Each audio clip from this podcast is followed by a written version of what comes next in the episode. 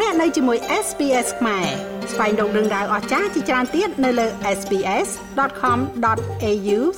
ខ្មែរនៅក្រោមច្បាប់គ្រួសារសិទ្ធិសុខុមាលភាពរបស់កុមារណែនាំអំពីការចរចាកាតព្វកិច្ចចិញ្ចឹមមើលថែកូនកូនទាំងអស់បន្ទាប់ពីឪពុកម្ដាយបែកបាក់ឬក៏លែងលះគ្នា កុមារដែលមានអាយុក្រោម18ឆ្នាំមិនអាចសម្រេចចិត្តដោយស្របច្បាប់ថាត្រូវរស់នៅទីណាជាមួយនរណានោះទេ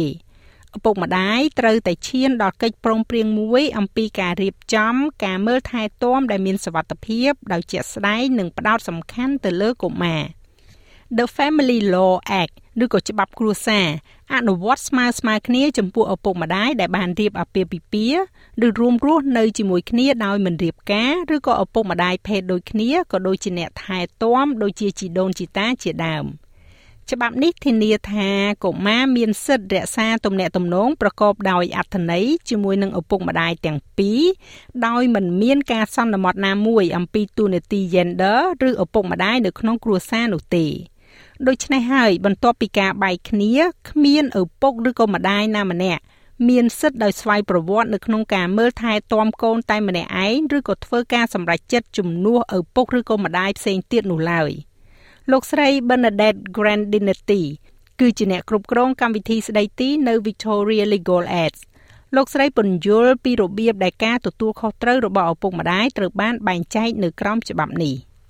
Under the Family Law Act there is the presumption ក្រមច្បាប់គ្រួសារមានការសន្មត់នៅទំនួលខុសត្រូវក្នុងការមើលថែទាំកូនក្នុងចំណែកស្មើស្មើគ្នានោះមានន័យថាចំណុចចាប់ផ្ដើមសម្រាប់ការពិចារណាលើទំនួលខុសត្រូវរបស់ឪពុកម្ដាយដែលជាការធ្វើការសម្រេចចិត្តរយៈពេលវែងសំខាន់សំខាន់អំពីកុមារគឺសម្រាប់ការទទួលខុសត្រូវរួមគ្នារបស់ឪពុកម្ដាយដែលវាត្រូវបានចែករំលែករវាងឪពុកឬម្ដាយ។ ទោះជាយ៉ាងណាក៏ដោយវាគឺជារឿងសំខាន់ដែលត្រូវកត់សម្គាល់ថាមានតែតុលាការទេដែលអាចរៀបរៀងឪពុកឬក៏ម្ដាយមិនឲ្យជួបកូនកូនរបស់ពួកគេបាន ដូចជាករណីអំពើហិង្សាក្នុងគ្រួសារជាដើម ទំនួលខុសត្រូវរបស់ឪពុកម្ដាយស្មើស្មើគ្នា មានន័យថាឪពុកម្ដាយទាំងពីរត្រូវតែផ្គត់ផ្គង់កុមារខាងផ្នែកហិរញ្ញវត្ថុប៉ុន្តែវាមិនមែនមានន័យថាកូនត្រូវតែចំណាយពេលវេលាស្មើគ្នានៅជាមួយឪពុកឬក៏ម្ដាយម្នាក់ម្នាក់នោះទេរួមគ្នាឪពុកម្ដាយគួរតែកំណត់ថាតើការរៀបចំណាមួយដែលសមស្របបំផុតនោះ លោកស្រី Grandinetti ពន្យល់ A lot of people who separate are able to make parenting arrangements between មនុស្សជាច្រើនដែលរស់នៅបែកគ្នាអាចរៀបចំទូនាទីឪពុកម្ដាយដោយពួកគេខ្លួនឯងផ្ទាល់បានប្រសិនបើឪពុកម្ដាយឈានដល់កិច្ចព្រមព្រៀងដែលអាចជាកិច្ចព្រមព្រៀងថាជាពាក្យសម្ដីមិនជាផ្លូវការឬក៏ពួកគេអាចសរសេរវាជាក្រដាសស្នាមហើយចុះហត្ថលេខាលើកិច្ចព្រមព្រៀងនោះហើយនោះគឺជាអ្វីដែលយើងហៅថាផែនការចិញ្ចឹមកូនឬភាសាអង់គ្លេសហៅថា parenting plans ផែនការចិញ្ចឹមកូនឬក៏ parenting plans អាចរួមបញ្ចូលកិច្ចព្រមព្រៀងអំពីការរៀបចំហិរញ្ញវត្ថុដែលកំពុងបន្តយោងទៅតាមលោកស្រី Serin Farhani មេធាវីជាន់ខ្ពស់នៅសេវាកម្មច្បាប់របស់ស្ត្រីក្នុងដែនដីរដ្ឋធានីអូស្ត្រាលី ACT ផែនការចិញ្ចឹមកូនឬក៏ parenting plans មិនអនុវត្តតាមទម្រង់ដែលបានកំណត់ឡើងនោះទេ Basically the two parents sit down ជាមូលដ្ឋានឪពុកម្ដាយទាំងពីរអង្គុយចុះហើយសរសេរអំពីអ្វីដែលជាការរៀបចំមើលថែទាំចិញ្ចឹមកូនរបស់ពួកគេ និងសម្រាប់កូនកូនរបស់ពួកគេអ្នកអាចដាក់ចំណងជើងថា parenting plan ផែនការចិញ្ចឹមកូននៅខាងលើ អ្នកដាក់ថ្ងៃខែកាលបរិច្ឆេទហើយវាអាចនិយាយបានថាជាឧទាហរណ៍កុមាររស់នៅជាមួយម្ដាយនៅថ្ងៃទាំងនេះនិងនៅជាមួយឪពុកនៅថ្ងៃទាំងនេះ ហើយអ្នកប្រហែលជាមានការណែនាំខ្លះៗអំពីរបៀបដែលអ្នកនឹងតាក់ទងគ្នាទៅវិញទៅមកក្នុងនាមជាឪពុកម្ដាយអំពីកូនគោលបំណងនៃផែនការចិញ្ចឹមកូននេះគឺដើម្បីកាត់បន្ថយចំនួនបន្ទាប់ពីការបែកគ្នាជាពិសេសនៅពេលដែលទំនាក់ទំនងមិនប្រក្រតីរវាងឪពុកម្ដាយអាចកើតមានឡើងទោះជាយ៉ាងណាក៏ដោយផែនការចិញ្ចឹមថែទាំកូននេះមិនមែនជាឯកសារដែលចងស្របច្បាប់នោះទេ So if one person stops following the parenting plan ដូច្នេះប្រសិនបើមនុស្សម្នាក់ឈប់ធ្វើតាមផែនការចិញ្ចឹមកូនអ្នកមិនអាចនាំឪពុកឬក៏ម្ដាយនោះឡើងតុលាការបានទេផែនការចិញ្ចឹមកូនមានភាពបត់បែនអ្នកអាចផ្លាស់ប្ដូរវាបាននៅពេលដែលកូនកាន់តែធំហើយតម្រូវការរបស់ពួកគេផ្លាស់ប្ដូរប៉ុន្តែចុងក្រោយអ្នកអាចបង្កើតផែនការចិញ្ចឹមកូនបានលុះត្រាតែអ្នកនិងអតីតដៃគូរបស់អ្នកយល់ព្រមតែប៉ុណ្ណោះ ហើយពេលខ្លះអ្នកត្រូវការជំនួយពីអ្នកសម្របសម្រួលឬក៏អ្នកទី3ដើម្បីជួយអ្នកឲ្យឈានដល់កិច្ចព្រមព្រៀងនោះនៅក្នុងករណីដែលកិច្ចព្រមព្រៀងស្តីអំពីការរៀបចំការចិញ្ចឹមកូនត្រូវបានធ្វើឡើងហើយអ្នកចង់ធ្វើឲ្យវាមានកាតព្វកិច្ចស្របច្បាប់អ្នកអាចដាក់ពាក្យសុំតាមអនឡាញទៅខាង Federal Circuit ហើយនឹង Family Court of Australia សម្រាប់បទបញ្ជាយល់ព្រមលើការចិញ្ចឹមកូនដែលហៅថា Parenting Consent Order ប្រសិនបើឪពុកម្ដាយមិនអាចឈានដល់កិច្ចព្រមព្រៀងទេជំហានបន្ទាប់ជាធម្មតាពាក់ព័ន្ធជាមួយនឹងការដោះស្រាយវិវាទក្នុងគ្រួសារសូមជួបជាមួយនឹងលោកស្រី Benedict Grandinetti ម្ដងទៀត This allows the negotiation នេះអនុញ្ញាតឲ្យមានការចរចាអំពីការរៀបចំការចិញ្ចឹមកូនដោយមានជំនួយពីអ្នកសម្របសម្រួលហើយគណៈកម្មការជំនួយផ្នែកច្បាប់នៅទូទាំងប្រទេសអូស្ត្រាលីផ្ដល់ការសម្របសម្រួលជំនួយផ្នែកច្បាប់សម្រាប់អតិថិជនដែលមានសិទ្ធិទទួលបានជំនួយហិរញ្ញវត្ថុវាក៏មានផងដែរនៅជំរើសសម្រុះសម្រួលតាមសហគមន៍និងឯកជនដែលអាចរកបានសម្រាប់អ្នកដែលរស់នៅបែកគ្នា។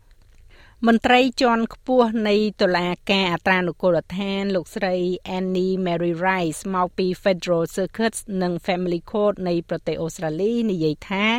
ឪពុកម្ដាយដែលបែកគ្នាភាគច្រើន បង្កើតកិច្ចព្រមព្រៀងចិញ្ចឹមកូនដោយមិនពឹងផ្អែកលើតុលាការនោះទេ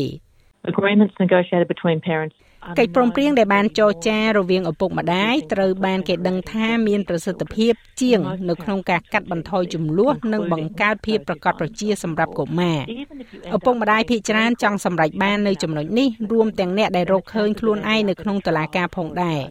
ទោះបីជាអ្នកទៅតុលាការដោយសារតែអ្នកមិនអាចឈានដល់កិច្ចព្រមព្រៀងក៏ដោយឱកាសនៃការបញ្ចប់ការកាត់ក្តីនៅចំពោះមុខចៅក្រមមានកម្រិតទាបណាស់ តុលាការនឹងជួយអ្នកក្នុងការស្វែងរកវិធីក្នុងការចរចាដោយសុវត្ថិភាពនៅកិច្ចព្រមព្រៀងដែលមានប្រសិទ្ធភាពសម្រាប់អ្នកនិងកូនរបស់អ្នកលោកស្រី Rice គូសបញ្ជាក់ថាតុលាការមានកាតព្វកិច្ចជួយឪពុកម្ដាយដោះស្រាយវិវាទឲ្យបានឆាប់និងប្រកបដោយប្រសិទ្ធភាពតាមដែលអាចធ្វើទៅបានទោះជាយ៉ាងណាក៏ដោយវាមិនមែនជាជំរើសដែលពេញចិត្តនោះទេ I think everyone who works in the family law system ខ្ញុំគិតថាអ្នកគ្រប់គ្នាដែលធ្វើការនៅក្នុងប្រព័ន្ធច្បាប់គ្រួសារនឹងនិយាយថាតុលាការគឺជាជំរើសចុងក្រោយប៉ុន្តែអ្នកដែលចង់ដាក់ពាក្យសុំទៅតុលាការសម្រាប់បទបញ្ជាជាផ្លូវការអំពីការមើលថែកូនត្រូវតែព្យាយាមឈានដល់កិច្ចព្រមព្រៀងជាមួយឪពុកម្ដាយម្ខាងទៀតជាមុនសិនលើកលែងតែនៅក្នុងករណីបន្ទាន់នឹងមានហានិភ័យខ្ពស់នោះមានន័យថាពួកគេត្រូវតែចូលរួមនៅការសម្រោះសម្រួលជាមួយនឹងអ្នកអនុវត្តដំណោះស្រាយចំនួនគ្រួសារដែលបានចុះបញ្ជីត្រឹមត្រូវហើយគ្រួសារនេះត្រូវតែទទួលបាននៅវិញ្ញាបនបត្រដើម្បីបញ្ជាក់ថាគ្មានកិច្ចព្រមព្រៀងណាមួយអាចសម្រេចបាននោះទេអ្នកអនុវត្តដំណោះស្រាយវិវាទក្នុងគ្រួសារឬក៏ហៅកាត់ថា FDRP គឺជាអ្នកសម្រុះសម្រួលដែលត្រូវបានបណ្ដុះបណ្ដាលជាពិសេសឲ្យធ្វើការជាមួយនឹងគ្រួសារដែលមានចំនួន អ្នកអាចស្វែងរកបញ្ជីនៃ FDRP នៅលើគេហទំព័ររបស់មជ្ឈមណ្ឌលទំនាក់ទំនងគ្រួសារ Family Relationship Centers រួមទាំងទីតាំងនិងថ្លៃសេវារបស់ពួកគេហើយលើសពីនេះអ្នកសម្រុះសម្រួលឯកជនផ្ដល់សេវាកម្មនេះដែលជាធម្មតាមានតម្លៃថ្លៃជាងតុលាការគ្រួសារឬក៏ Family Court ផ្ដល់នៅធនធានលើអ៊ីនធឺណិតដើម្បីជួយឲ្យអ្នកឈានដល់កិច្ចព្រមព្រៀងមួយដោយមិនពាក់ព័ន្ធនឹងតុលាការ។ អ្នកក៏អាចតាក់ទងសេវាកម្មជំនួយផ្នែកច្បាប់ឬចូលទៅកាន់ Family Relationship Online សម្រាប់ជំនួយលោកស្រី Rice និយាយថាមិនចាំបាច់មានមេធាវីទេប្រសិនបើអ្នកចូលរួមនៅក្នុងការដោះស្រាយវិវាទគ្រួសារ and any concerns that you might have about risks including in រាល់កង្វល់ដែលអ្នកអាចមានអំពីហានិភ័យរួមទាំងការពាក់ព័ន្ធនឹងអំពើហិង្សាក្នុងគ្រួសារនឹងត្រូវបានពិភាក្សាជាមួយអ្នកជាលក្ខណៈឯកជននៅមុនពេលមានការចរចាណាមួយ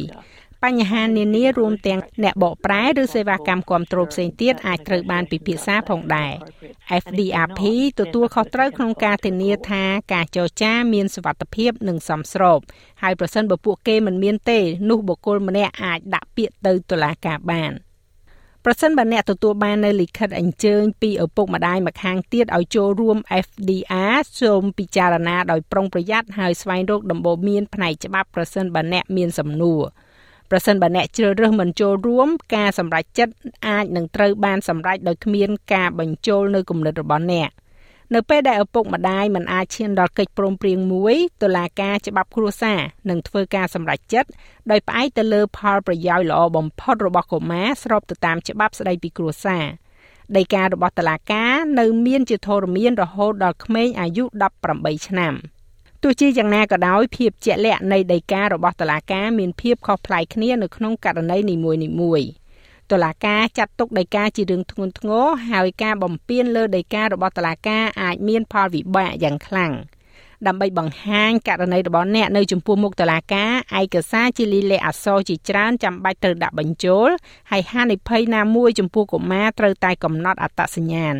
គេហទំព័ររបស់តឡាការផ្ដល់នៅបញ្ជីនៃឯកសារដែលត្រូវការទាំងអស់គេហទំព័រនេះផ្ដល់វីដេអូដើម្បីជួយឲ្យអ្នកចាប់ផ្ដើមហើយសេវាកម្មបកប្រែអាចត្រូវបានរៀបចំប្រសិនបើចាំបាច់នៅពេលដែលមានគម្រោងផ្លាស់ទីទៅក្រៅប្រទេសឬក៏ទៅរដ្ឋផ្សេងទៀតជាមួយនឹងកូនរបស់អ្នកលោកស្រីហ្វាអានីនិយាយថាវាទាមទារឲ្យមានការយល់ព្រមពីឪពុកម្ដាយម្ខាងទៀតលើកលែងតែអ្នកកំពុងតែស្វែងរកដីការបស់តុលាការ That's really when you need to speak with a lawyer because នោះជាពេលដែលអ្នកត្រូវនិយាយជាមួយមេធាវីពីព្រោះមានរឿងជាច្រើនដែលតុលាការនឹងពិចារណា នៅពេលដែលអ្នកដាក់ពាក្យសុំផ្លាស់ប្ដូរទីលំនៅត្រូវបានធ្វើឡើងគេនឹងមើលទៅលើរឿងដូចជាការបារម្ភអំពីសុវត្ថិភាពថាតើការផ្លាស់ប្ដូរទីលំនៅ មានន័យថាពួកគេនឹងកាន់តែខិតជិតទៅរកក្រុមគ្រួសារនឹងការគ្រប់គ្រងឬក៏អត់នោះទេនឹងការពិចារណាខាងផ្នែកហិរញ្ញវត្ថុ។ វាគឺជារឿងសំខាន់នៅក្នុងការពិគ្រោះជាមួយមេធាវីមុននឹងធ្វើការសម្រេចចិត្តណាមួយប្រសិនបើអ្នកមានអារម្មណ៍ថាមានសម្ពាធនៅក្នុងការយល់ព្រមចំពោះការរៀបចំផែនការចិញ្ចឹមកូនជាក់លាក់ណាមួយហើយជាពិសេសនោះប្រសិនបើអ្នកកំពុងជួបប្រទះអំពើហិង្សាក្នុងគ្រួសារចាស់ហើយរបាយការណ៍នេះចងក្រងឡើងដោយ Melissa Companoni និងប្រែសម្រួលសម្រាប់ការផ្សាយរបស់ SBS ខ្មែរដោយនាងខ្ញុំហៃសុផារ៉ានី ចុច like share comment និង follow SBS ខ្មែរនៅលើ Facebook